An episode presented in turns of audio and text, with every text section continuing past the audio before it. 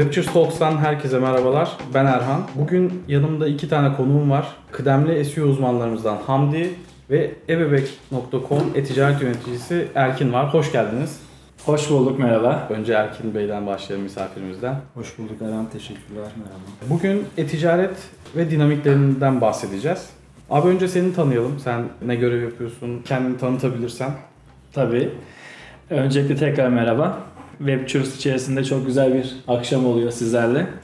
Ebebek.com'da e-ticaret yöneticiliği yapıyorum. Sektörde de yaklaşık 10 yıllık bir e-ticaret birikimim var. E, mümkün mertebe bunları aktarmaya çalışıyorum, yazmaya çalışıyorum. E, web sayfamda mümkün mertebe bu konuları aktarmaya çalışıyorum.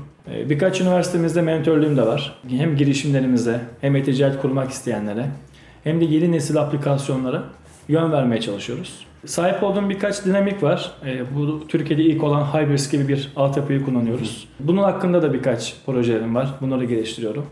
E-ticaretin dinamiğini sizlerle yakalamaya devam ediyoruz diyebilirim. Ee, tam süper abi teşekkür ederiz. Hamdi sen seni de tanıyalım. Zaten takipçilerimiz biliyordur ama yine de Webchers'ta yapmış olduğun görevlerden bahsedebilirsen. Ben de Hamdi, yaklaşık olarak 5 yıldır SEO tarafıyla ilgileniyorum. Yaklaşık olarak da 1,5-2 yıla yaklaşan bir süredir de Webchers'tayım.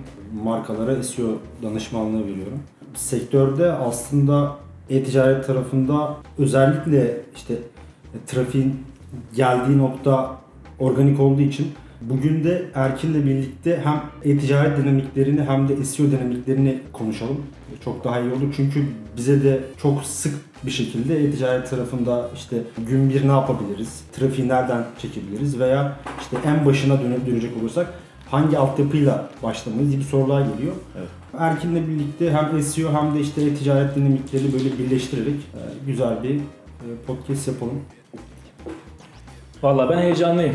Tamam, Bekliyorum sorularınızı. Güzel konular çıkacak diye düşünüyorum. O zaman şöyle başlayalım abi. Tabii. E-ticaretle uğraşan kobiler için tavsiyelerin ve önerilerin ne olur?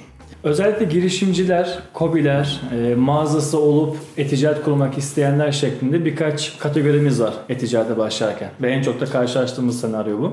Anadolu tarafında özellikle kobiler çok fazla. Küçük işletme, hı hı. butikler, ya da çok enteresan ürünler satan markalarımız var. Mesela bakırcılık işleriyle uğraşan müşteri grubumuz var. Yani bakır işletmeci de yapıyor ama satılması çok zor olan bir ürün. Hı hı. Ve bunu internette pazarlamaya çalışıyor. Şimdi bu örnekleri niye vermeye çalıştım? Ee, aslında e-ticarete girmek isteyenlerin bir kategorisi yok. Yani lokum da satabilirsiniz, bakır da satabilirsiniz. O yüzden biz daha çok bu işe bakarken e, firmalar arası e, ürüne fokuslanmasına dikkat ediyoruz. Bu nedir? İşte hangi ürünü satacaksın ve hedeflediğin pazar aşaması nasıl? Yani pazar yerinden mi girmek istersin, kendi mağazanı mı kurmak istersin vesaire. E, bu anlamda proje üretmeye çalışıyoruz kobilerimize. Ve buradaki beklentimiz markadan şu, ortalama bir bütçe çünkü genellikle mağazası olan markalar e-ticarete bir bütçe ayırmayı tavsiye etmiyor kendi içerisinde. Ya diyor ki biz niye buna bütçe ayıralım ki? E o zaman diyoruz ki yani böyle bir şey olabilir mi? Sen mağaza açacaksın. E-ticaret için de bir tane bütçe gerekiyor. Hı hı. Şimdi kobiler ilk başta burada kaybetmeye başlıyor. Çünkü e-ticaret öyle bir aktarılmış ki sonsuz bir bedava kaynak şeklinde. Burada biraz sorunlar yaşanabiliyor. O yüzden kobilerin bilmesi gereken bir şey var. Özellikle kobiler için bunu söylüyorum. E, minik de olsa bir bütçe ihtiyaçları var, bir strateji ihtiyaçları var, bir planlama ihtiyaçları var. Bunları yaptığımız takdirde başarısız olma şansı hemen hemen yok diyebiliriz. Çünkü doğru kullanılan bir bütçe, doğru hedef, hedeflenen bir pazar yeri sayesinde ya da bir mağaza sayesinde o e-ticaret girişimi hemen hemen tutuyor diyebiliriz. Batan bütün markaya baktığımızda genel problemleri bütçe yönetimidir. Bütçe yönetemediği için. Hı hı. Yolda karşılaştığı hatalardan ve onları bütçe olarak karşılamadığı için battığını görüyoruz. Kesinlikle. Çünkü bu noktada şeyler var. Mesela pazar yerine girip girmeme e, konusunda destek oluyoruz demiştin. Hı hı. Şimdi pazar yerine girmenin avantajları da var. Dezavantajları da var. Özellikle bir kobi ise ya da yeni kurulmuş bir site ise, marka ise mesela komisyon gibi şeyler Aynen. devreye giriyor. Ciddi kesintiler var. Aynen öyle. Peki sen pazar yerlerine girmenin e, avantajları ya da dezavantajları olarak ne önerebilirsin? Şimdi en büyük avantajı milyonlara ulaştırabilme yeteneği. Yani hiç hepimiz bunun farkındayız. Bir web sayfası kurduğunda, bir mağaza açtığında onu trafiğiyle bütünleştirme süreci biraz zahmetli. Evet. çok profesyonel SEO, sağlam bir altyapı ve iyi bir bütçe gerekebilir. Ama pazar yerine baktığımızda bu sorunsalları biraz durduruyor diyebiliriz. Çünkü doğru ürünü ve doğru fiyatta koyduğu zaman milyonlar bunu görebiliyor. Ama burada şu şöyle bir dezavantaj çıkıyor. Birden fazla rakibi devreye girdiği için rekabet analizi gerekecek. Yani ben şimdi örnek veriyorum bu bardağı satmaya çalıştığımda 49.90'dan fiyat yazdığımda bilmem gerekiyor ki 500 tane daha bayi 49.90'dan bunu koyabiliyor. İşte buradaki pazarlama dili, buradaki kullanacağı bazı farklı fiyat yaklaşımları, işte kargo bedava ya da fiyata kargoyu yedirmek dediğimiz.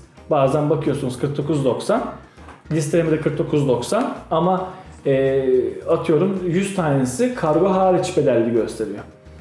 Kimisi de kargo dahil gösteriyor. Bu müşteri için çok inanılmaz bir kesişim noktasıdır. Evet.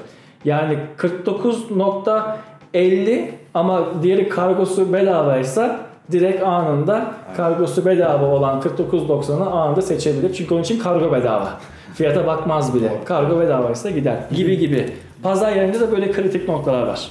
Bir de Eren'in sorular arasında var mı bilmiyorum ama şu an konuşurken aklıma geldi. Ben bir işletmeyim ve ticaret tarafında bir faaliyet yapmak istiyorum. İlk adımımı pazar yeriyle mi başlamalıyım yoksa işte e-ticaret yazılımı alıp mı yola çıkmalıyım? Güzel. Ya da bütünleşik mi bu gitmeliyim? Evet. Önerin ne olur bu noktada? Her zaman kendi web sayfasını kurmaktan yanayız. Çünkü pazar yerleri hem komisyondan dolayı hem de e, içerisindeki süreçlerin zorluğundan dolayı e, performansı etkileyebilir. Ama derseniz ki altyapıyı nasıl tercih edecek?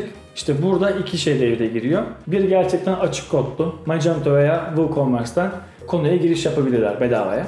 Ama orada bir yazılım gücü gerekir. Yazılım gücü varsa o markanın yani o süreci yönetebileceği yazılımcısı varsa WooCommerce veya Magento'dan gidebilir. Ama diğer tarafta paket seçimine girdiğimizde işler çok değişiyor. Çünkü paket seçiminde de şöyle bir durum var. O paketin kendi içerisinde paket seçenekleri var. Ekonomikler, business'lar, işte ultimate'ler vesaireler.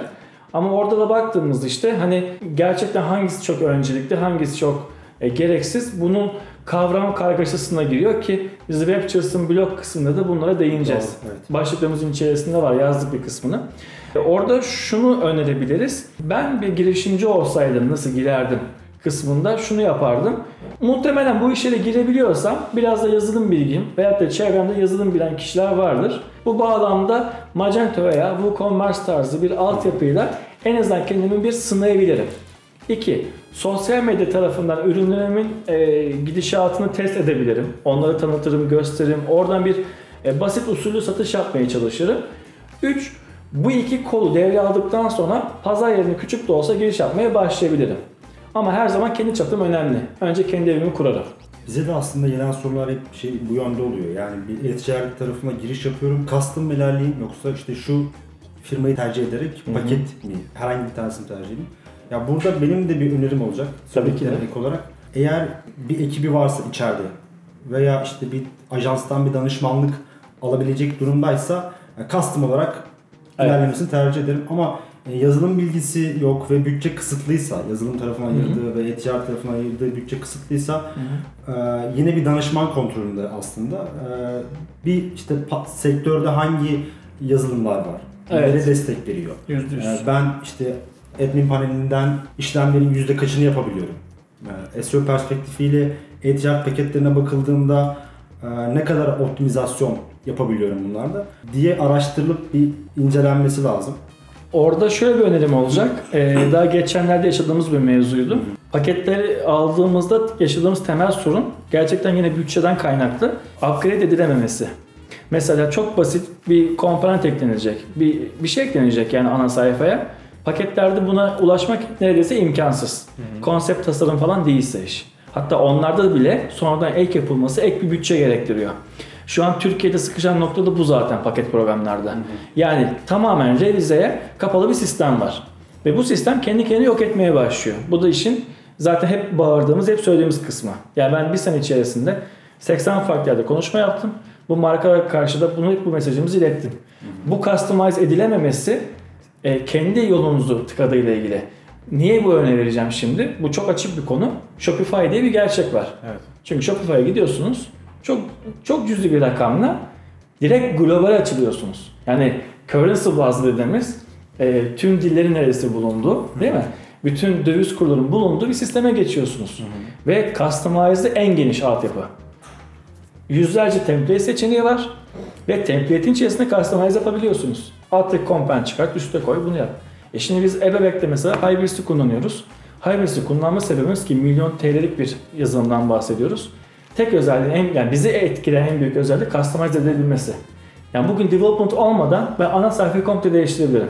Yani yarın geldiğinizde bayağı sağ navigasyon menü sola kaymış. Slider'ı aşağı almışım, footer'ı üste koymuşum. Yani agresif şeyler. Öyle altta bir tane küçücük görsel koyayım değil. Yani footer'ı yine değiştirebilecek kadar bir arayüzü değiştirebilecek kadar yeteneğe sahibi.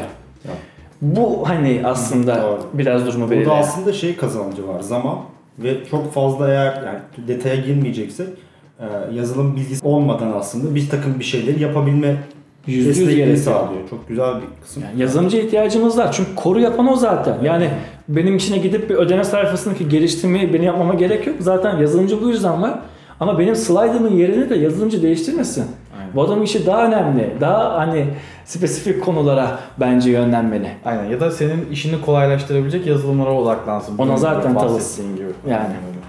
Abi peki şunu da merak ediyorum. Şimdi eee, pazar yerine girmiş veya girmemiş kullanıcılar, markalar birden fazla aynı ürünü sattığından bahsetmiştin ve bardak örneğini vermiştin. Hı hı. Şimdi eee, burada diğer markalardan kendilerini nasıl sıyırabilirler? Eee, her iki taraf için de söylüyorum. Yani pazar yeri ve kendi platformunu kullanarak. Aslında tek global bir tanımı var bu işin. Ee, ürünü ne kadar doğru anlattığınızla ilgili. Şimdi e, aynı ürünü satanların büyük çoğunluğu e, content dediğimiz içerik konusunda e, biraz kısır davranıyorlar. Çünkü yüzlerce ürünü yönetmek, onun içeriğini yazmak, onları test etmek bunlar zahmetli işler. Yani sadece bir tane bardak satıyorsak sıkıntı yok ama biz üç çaycıysak biz eğer bardak bizim için çok küçük bir ayrıntı. Ama o bardağı almak için gelenler var.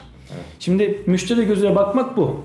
Şimdi birçok girişimci, birçok marka e, ona çok küçük bir bardak gözüyle bakıyor. Ve onun pazarlama gereksiniminde boyunu yazmaktan nasıl diyeyim zaman kazancı olarak görüyor. Yani diyor ki bunun boyunu yazasaya kadar diyor ne gerek var ki? Halbuki çok gerekliydi onun boyutu. Çünkü o boyuta bakarak gelen müşterisi var. Müşteri gözüyle baktığımızda birinci işimiz ürünü çok iyi yönetmek. Yani content yönetimini çok iyi yapmak gerekiyor. Güzel bir açıklama, görsellerle güzel bir şekilde gösterme, boyut deriz mesela. Bunun boyutu ne kadar? Yanına gerçeklik koyarız. Bir tane kalem koyarız mesela. Bak bunun boyutu bu kadar. Ölçemiyorsan da boyutunu gör. Ee, güzel renklerle, ışıklarla çekilmiş fotoğraflar. Ee, kargo fiyatının yedirildiği pazar yerinde çok önemli. Fiyatlar. Ee, bunlar çok önemli detaylar. Bir de tabii ki hepimizin bildiği ertesi gün kargo. Yani anında çıkış, teslimat güvencesi, ee, kullanılan lisan. Bunlar e, farklılığı çok değiştiriyor. Çünkü birçok marka copy paste'ten gittiği için hep aynı dili konuşuyor ve müşteride algı körlüğü çıkıyor bu sefer. Ya hepsi aynı şey yazmış deyip geçebiliyor ama sizin fotoğrafınızda göreceği bir ışık, bir farklı yaklaşım orada sizi çekmeye başlayabilir. Pazar yeri artı web içinde bu gerekli. Burada bir ek yapayım. Ee, ya aynı ürün açıklaması, kontenti kullananlar şöyle bir şey sorun da oluyor aslında. Gerek bu XML entegrasyonu da oluyor. Aynı ürün açıklamaları bir yerden XML alınıyor. Ve içeri import edildiğinde veya farklı pazar yerine import edildiğinde aynı content oluyor ve bir duplike sorunu oluşuyor. Ve hem pazar yeri tarafında listelenmek için bir sorun, yani üst sıralar yer almak için hem de organikte pozisyon kazanmak için bir sorun. Evet. E, burada şey yapılması lazım aslında yani duplike hem content, ürün açıklama kısmının e, olabildiğince e, özgünleştirilmesi lazım. E, ardından aslında ikinci adıma ve üçüncü adıma geçilmesi lazım. Şu anda yaşadığımız ve benim gördüğüm en büyük sorunlardan bir tanesi de bu. E, Katılıyorum. Doğru. Doğru.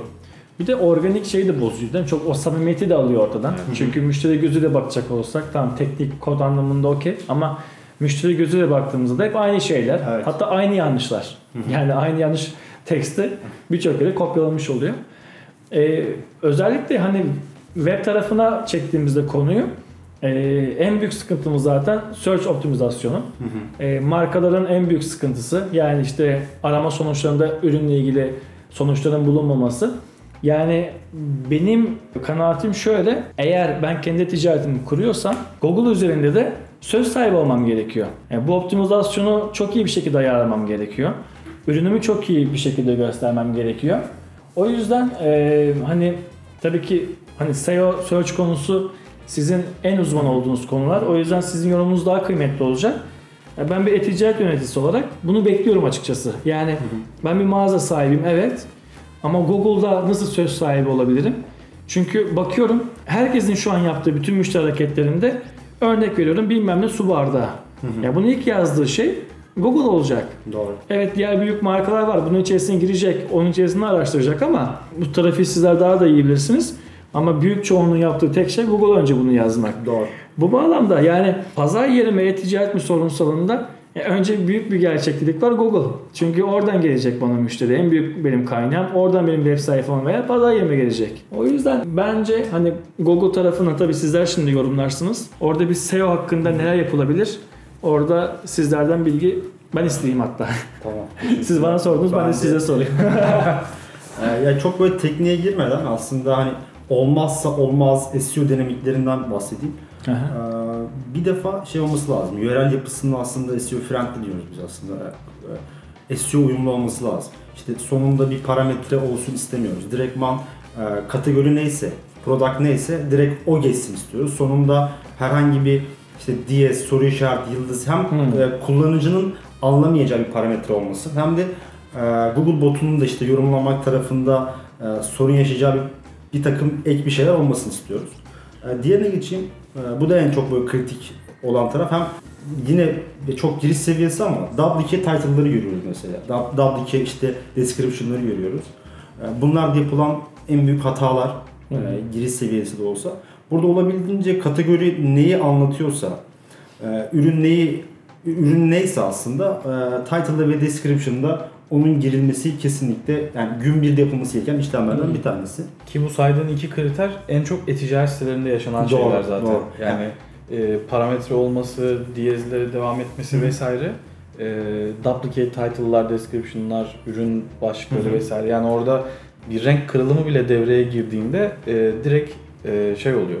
Ya E, duplicate Doğru, durumlar doğru. oluşuyor. Ve şey title'da ve description'da aslında burada eğer Google'da bir search yapıldığında kullanıcının ilk gördüğü alan aslında bizim kategori ve ürün detay sayfamız değil ama title'ımız ve description'ımız görüyor. Şimdi bizim burada bu bağlamda yapmamız gereken bence en kritik işlem eğer o kategori bazında bir e, ücretsiz kargomuz varsa Hı hı. e, veya e, indirimimiz varsa kategori bazında bunu belirtmemiz lazım. Hmm. Yine aynı aynı konu e, ürün detayda da geçerli. Yani ola- olabildiğince böyle ürünü detayını veren ama çok da böyle işte işte 55 60 karakteri de e, geçmeyen title olmasını istiyoruz. Description'da da yine aynı şekilde.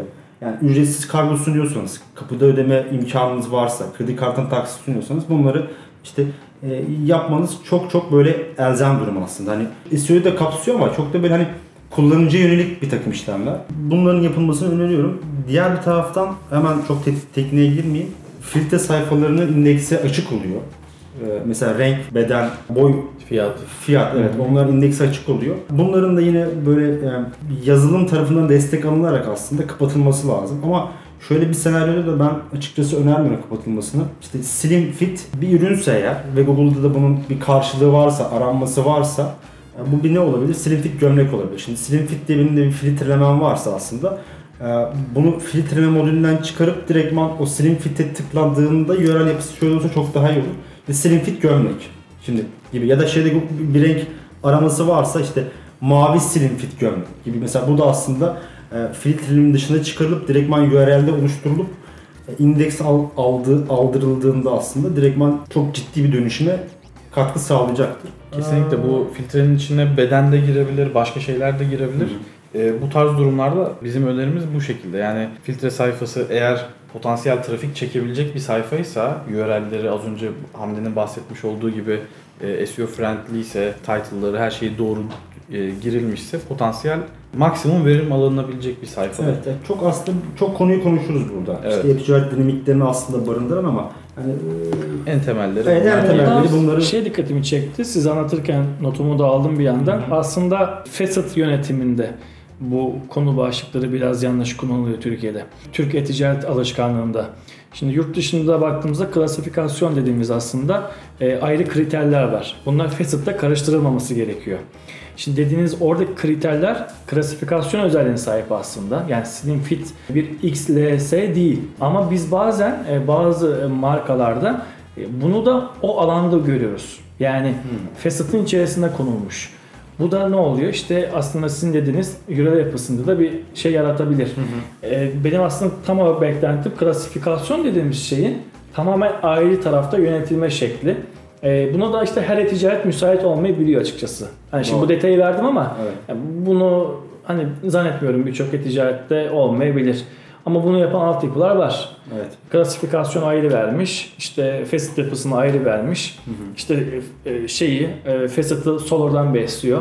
Klasifikasyon tamamen description içerisinde alan özelliklere sahip. Yani tertemiz bir veri çıkıyor Doğru. ortaya ki hani Amazon işte Hı-hı. eBay altyapısı tamamen bu algoritmadan beslenen yapılar. Bizim bu e, tarafların önerilerimizi aslında gerçekleştirdiğimiz bir projemiz vardı. Çok da güzel başarılar almıştık.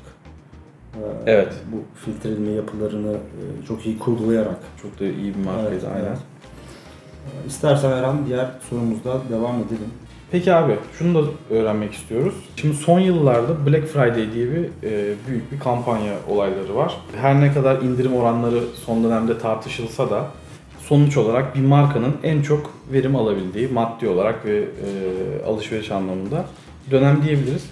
Peki kampanya dönemlerinden maksimum verim alabilmek için e, senin tavsiyelerin ne olur? Şimdi eğer tabi girişimci bir pazar yerindeyse o safta yerini alması gerekiyor.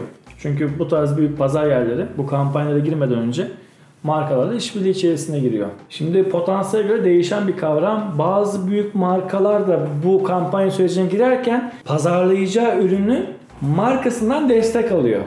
Çünkü belli bir kar marjı var kar marjını koruması gerektiği için de XX firmasının diyor ki ben seni N11 veyahut da hepsi burada gibi büyük pazar yerlerinde e, promote edeceğim. Bunun karşılığında da sen benim marjımın bir kısmını karşılayacaksın diye anlaşmaya gidebilir. Ama biz gitmeyen versiyonu konuşalım. Yani bir Kobi'nin böyle bir gücü maalesef olamayacak. Şimdi bu tarz durumlarda bütçe yönetimi ortaya çıkar ve zaten bunun giriş tarihi bellidir. Nedir bizim sürecimiz? Ekim'in son haftası başlayıp artık Ocak ayına kadar uzanan süreç bizim için komple Black Friday değil de artık Black şey diyelim ona sezon diyelim. Hı hı. E haliyle marka o zaman e, tutumunu buraya saklayabilir. Çünkü bir koruması gereken marjı var. Şimdi bunu altını çizmek istiyorum. E, marj konusunda markalar çok e, şey yapamayabiliyor. Hesaplama konusunda. Yani günü kurtaralım derdinde olabiliyor. Ama marj yönetimi dediğimiz şey aylık olarak takip edilmesi gereken bir kavram. Marjını iyi yöneten bir marka karlılığına sahip çıkar yıl içerisinde ve en son harcayabileceği para ortaya bırakır. İşte o zaman istediğiniz kampanyaya girebilirsiniz. Kampanya dediğim şey agresif olmalı. Amerika'da yaşadığımız örnekler agresiflerdir. Mesela Outtake mantığı Amerika'da yaşanan hani sizler de daha iyi bilirsiniz. Bir gün hatta bir saat olur belki ama e, gerçekten de e, 1000 dolarlık ürün 19 dolara falan satılır. Ve hani gerçekten de yıkılır o kapılar. Yani insanın birbirini linç etme hani Amerika'da çok görmeyeceğimiz bir şeydir ama şimdi 1000 dolarlık ürünü gerçekten 19 dolara satıyor adamlar. Kampanya aslında bu. Şimdi son zamanlarda biz bunu yapıyor muyuz? Maalesef yapamıyoruz. Şöyle bir durum söz konusu. Örnek veriyorum benim elimde çok büyük bir stok varsa bunu kampanya öncesinde promosyon yaparım. Promosyon ne? İşte iki alana bir bedava. Bu mesela çok güzel bir yöntemdir. Hem iki tane sepete attırır hem de indirim yaparak o ürünü bedava size göndertirir. İşte bunu daha çok büyütürsünüz. 6 al, 4 ödersiniz. Müşteriyi 6 tane sepete attırırken 4 tanesinin parasını alırsınız. Normalde indirim yaparak aynı barende fiyata satmak varken promosyon yaparak aslında algıyı değiştirirsiniz ve daha fazla ürün sepete attırırsınız. Haliyle stoğunuzu daha az eritebilirsiniz. Aslında büyük kampanyanın çıkış sebebi de bu. Var olan büyük stoklu ürünleri yok etme çabası.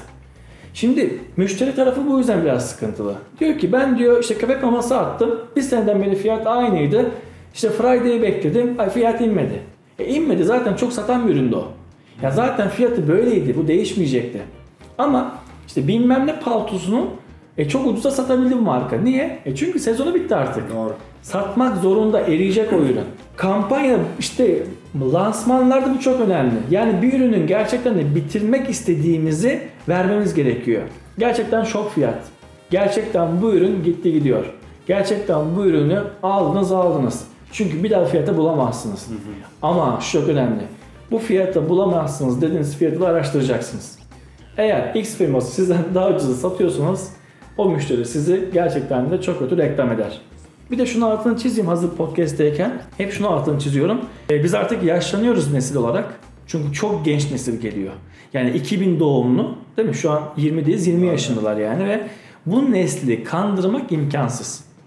Yani bu kişiye ucuz dediğiniz zaman bu kişilere onlar daha siz ucuz derken 80 milyon kere araştırıyor fiyatı. Çoktan biliyor ucuz olup olmadığını. O yüzden senin ucuz demene gerek kalmıyor. Aslında ucuzu buluyor. O yüzden hani algı yönetiminde kimi kandıracaksın? Hiç kimseyi kandıramazsın. Ha, segmentasyon çok yaşlıdır. Araştırma gücü yoktur. ihtiyacı vardır. Evet o buna inanabilir. Ama yani 2000'den sonra doğan bir nesli kandırmak e, imkansızdır. O yüzden kampanya yönetiminde e, burası önemli. Benim bir sorum olacak burada. Pazar yerlerini konuştuk. Bir de internet sitesi sahipleri için bu kampanya dönemlerine hazırlık süreci ne zaman başlamalı? Nasıl organize edilmeli? Bunlar hakkında bizlere bir bilgi verir misin? Böyle kısa da olsa. Tabii e, öncelikle bu markalarımız asla ve asla bir senelik kampanya yapmamalı. Birçok e-ticareti incelediğimde bireysel olarak girip baktığım web sayfaları var böyle araştırmak için.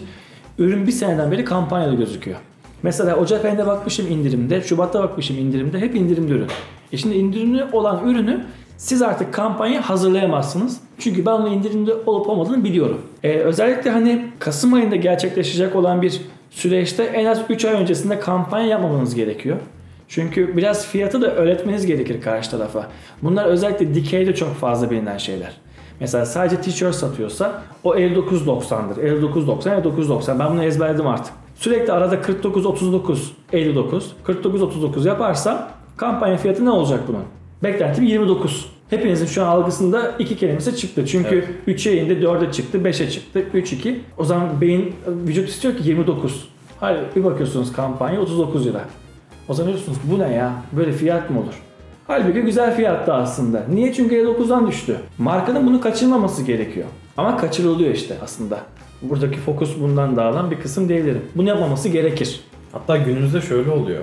E, kampanya dönemi haricinde 59-49 gibi gidiyor. Kampanya dönemine işte Black Friday'e girdiği zaman 89'dan 59'a düşmüş gibi görünüyor. Evet, PSF şişirilmesi dediğimiz konuyu yapıyorlar. Aynen öyle. Peki bu durumda rakiplere göre de düşük fiyat vermek aslında bir güven e, güvensizlik durumu yaratır mı? Mesela ben şöyle bir kullanıcıyım. Alacağım bir ürünümü sepete eklerim. Uzunca bir süre sepetimde kalır. Fiyat değişim oranlarını takip ederim. Ee, dolayısıyla marka o üründe hakikaten çok fazla indirim yaptığını iddia etse bile ben uzun süredir onu takip ettiğim için e, gerçekten indirim yapıp yapmadığını takip edebiliyorum bunu. İndirim yaptım deyip fiyat arttırırsa kesinlikle oradan almıyorum. O zaten evet bu garanti. Ee, peki bu durum e, güven olarak nasıl bir algı yaratır sence? Şimdi aslında şöyle bir şey doğuyor sorundan. Gerçekten düşük fiyat verebilir. Ve bunun da bir sorunsalı var. Yani işte iPhone ne kadar örnek veriyorum? 7000'lerden başlıyor. Bilinen bir modeli örnek verdim. E şimdi bu 7000 TL'lik ürünün e, 3000 TL satılması imkansız. Şimdi bir böyle yapanlar da var. Bunlar zaten baya baya hani bildiğimiz dolandırıcılık sınıfına giren. Salatalık falan geliyor değil mi? Aynen öyle ki ben çok yazmışımdır yani. Ondan sonra yani şimdi böyle yapanlar var evet ama bunun bir değişik versiyonu işte az önce verdiğimiz Amerika'daki outlet mantığı. Gerçekten bir Kolombiya montu 19 dolarda alabiliyorsunuz. E şimdi bu dolandırıcı mı? Hayır değil. Ama işte orada yılın 364 günü hani e, 1000 dolar ama çok oldu da 1000 dolar 100 dolar diyelim. E, 1000 dolarlık mont diyeceksek zaten e, Elon Musk olmamız gerekiyor. E, sonra baktığımızda da e, bir gün geliyor ve gerçekten de zararına satış dediğimiz konuyu yapabiliyor. Ama zaten zarar. Yani marka diyor ki ben bir yıl önce paramı kazandım. Bugün batabilirim önemli değil. Batmayacak çünkü. Onun için bir PR çalışması. Ben hani kampanya bu açıyla bakardım marka olsaydı. Küçük bir markayı tekstil satıyorum. Yılın 364 günü normal fiyattan satıp bir gün zararına satabilirim. Çünkü arada yapacağım reklam, arada vereceğim birçok operasyonel maliyeti hesaplarım. Ne kadar harcadım ben bu süreçte? 25.000 TL. Kobi olduğunu varsadığım için küçük tuttum rakamı. 25.000 TL. Kaç tane üründe ben kampanya gireceğim? 100 tane. Tamam abi. Biz 25.000 TL zarar etmek için ne kadar ilgileniyoruz bu ürünleri? 1 TL. Tutuyor mu? Tutuyor. Verin 1 TL satın ürünleri. Dumping, dumping. Sallarsınız ortalığı. Kargo, e, kargoyu da e, güzel bir rakama çekersiniz. Budur. Şunu da altın çizim yalnız. Bunu çok sevdiğim bir örnek bu. İyi bir marka kargo bedavaya geçiyorsa biraz sıkıntı vardır orada. Onun da altını çizeyim. Ya her marka kolay kolay kargo bedavaya girmez. Şöyle hani ne alırsan kargo bedavaya girmez. Hani 50 TL üzeri ise o 40 TL üzerine indirip çekebilir ama hani sitenin içerisindeki her şey bugün kargo bedava derse onu biraz sorgulamak lazım. Ya Orada- mavi renk gömlek seçtiğimde pembe mi giyme ihtimali? Değil de hani sanki artık son satış olabilir. Kapatıyor mudur? Ya bu benim kendi deneyimim. E, hatta bunu bir blogumda da yazdım. Bu zaman kadar gerçekten de bütün ürünlerinde kargo bedava ürün, ürün veren siteler e, ortalama yaklaşık 4-5 ay içerisinde iflasını veriyor. Bu benim kendi araştırmam. Yani kendi erkin olarak paylaşımım. Hani podcast'te de böyle geçsin. Bundan sonra ben de buna dikkat edeceğim. Aklınızda olsun. bilgi. ben hatta şey yapacağım, indirimli ürünleri almayacağım. ben direkt kargoya bakacağım. Ulan kargosuna bakacağım. Teşekkürler. Abi e-ticarete girmiş e, ya da kobiler için önemli ipuçlarını konuştuk bu podcast'te. O yüzden vermiş olduğun kıymetli bilgiler için de çok teşekkür ederiz. Rica ederim. Ee, son sözü bağlarken özellikle girişimcilere ve kobilere e, tavsiyem çok minik olacak. Zaten tavsiyede konuştuk ama birincisi şöyle bir notum var. Bu iş daha doğrusu bir manifesto işidir. Markalaşma işidir. E, Altyapı almak kolay, bütçe harcamak kolay. Bunlar gerçekten kolay şeyler. Karmaşık gözüküyor sadece. Ama önemli olan şey o ruha sahip olmak. O yüzden e-ticaret ruhu deriz. E-ticaret gibi hissetmek deriz. Sizler de Webchess Akademi'de burada bu alanda bunların üzerine yoğunlaşıyorsunuz. Yani bir marka kültürü. Bunu oluşturmaya çalışıyorsunuz. Hatta Webchess'ın yine blog tarafında bunları yazacağız. Takip edebilirsiniz oradan. Özellikle COBİ'lerimiz için söylüyorum. E, Birinci manifestoları e, kurumlaşmak, markalaşmak ve bu işin ruhuna sahip olmak diyelim. Buna sahip oldukları sürece e, kaybetmezler ve kazanacaklardır. Bu ruhu kaybedersek çok para kaybederiz. Bunu da altını çizelim. Çok kıymetli bilgilerdi. Belki bir sonraki podcast'te de şey yapabiliriz. Ee, Orta ölçekli markalar için nasıl bir strateji belirlenmesi gerekiyor? Tabii, tabii. Ee, Onun üzerine konuşuruz. Ee, Ben teşekkür ederim. Ben de beslendim. Ne demek? Ben de sizden çok şey öğrendim bugün. Çok faydalı bilgilerdi. Son olarak dinleyicilerimiz seni nereden takip edebilirler? Çünkü aktifsin, blog yazıları yazıyorsun, e, sosyal medyada paylaşımlar yapıyorsun, üniversitelere gidiyorsun vesaire. E, senin Aslında ben nereden- gidiyormuşum aynı. Seni nereden takip edebilirler? Ee, şöyle web sayfamdan takip edebilirler. erkinerol.com. Sizlerle ortak çalışmamız var. Blog sayfamız. Webchers blog. Oradan yazılımızı takip edebilirler. Onun haricinde sosyal medya zaten Erkinerol yine. İsteyenlere mümkün mertebe dönüş sağlıyorum. Bu, bu kadar. İnternetçiyiz. O yüzden internette beni bulmaları mümkündür diyebilirim. Ufak bir search yaparak. Aynen öyle. Bir- Zaten Google'u kullanmış olursunuz. Erkin Erol yazmanız yeterli Google'a. Organikten mi girsinler? Organikten gelmesini tavsiye ediyorum. o yüzden direkt oradan ulaşabilirler bana. Peki bize katıldığın için çok teşekkür ederiz. Ben teşekkür ederim. Sağ olun, var olun. Ben de teşekkür ederim. Webchers Talk'un bir sonraki yayında görüşmek üzere. Hoşçakalın. Hoşçakalın. Hoşçakalın. Süper bravo. Teşekkürler. Ne demek? Ne demek?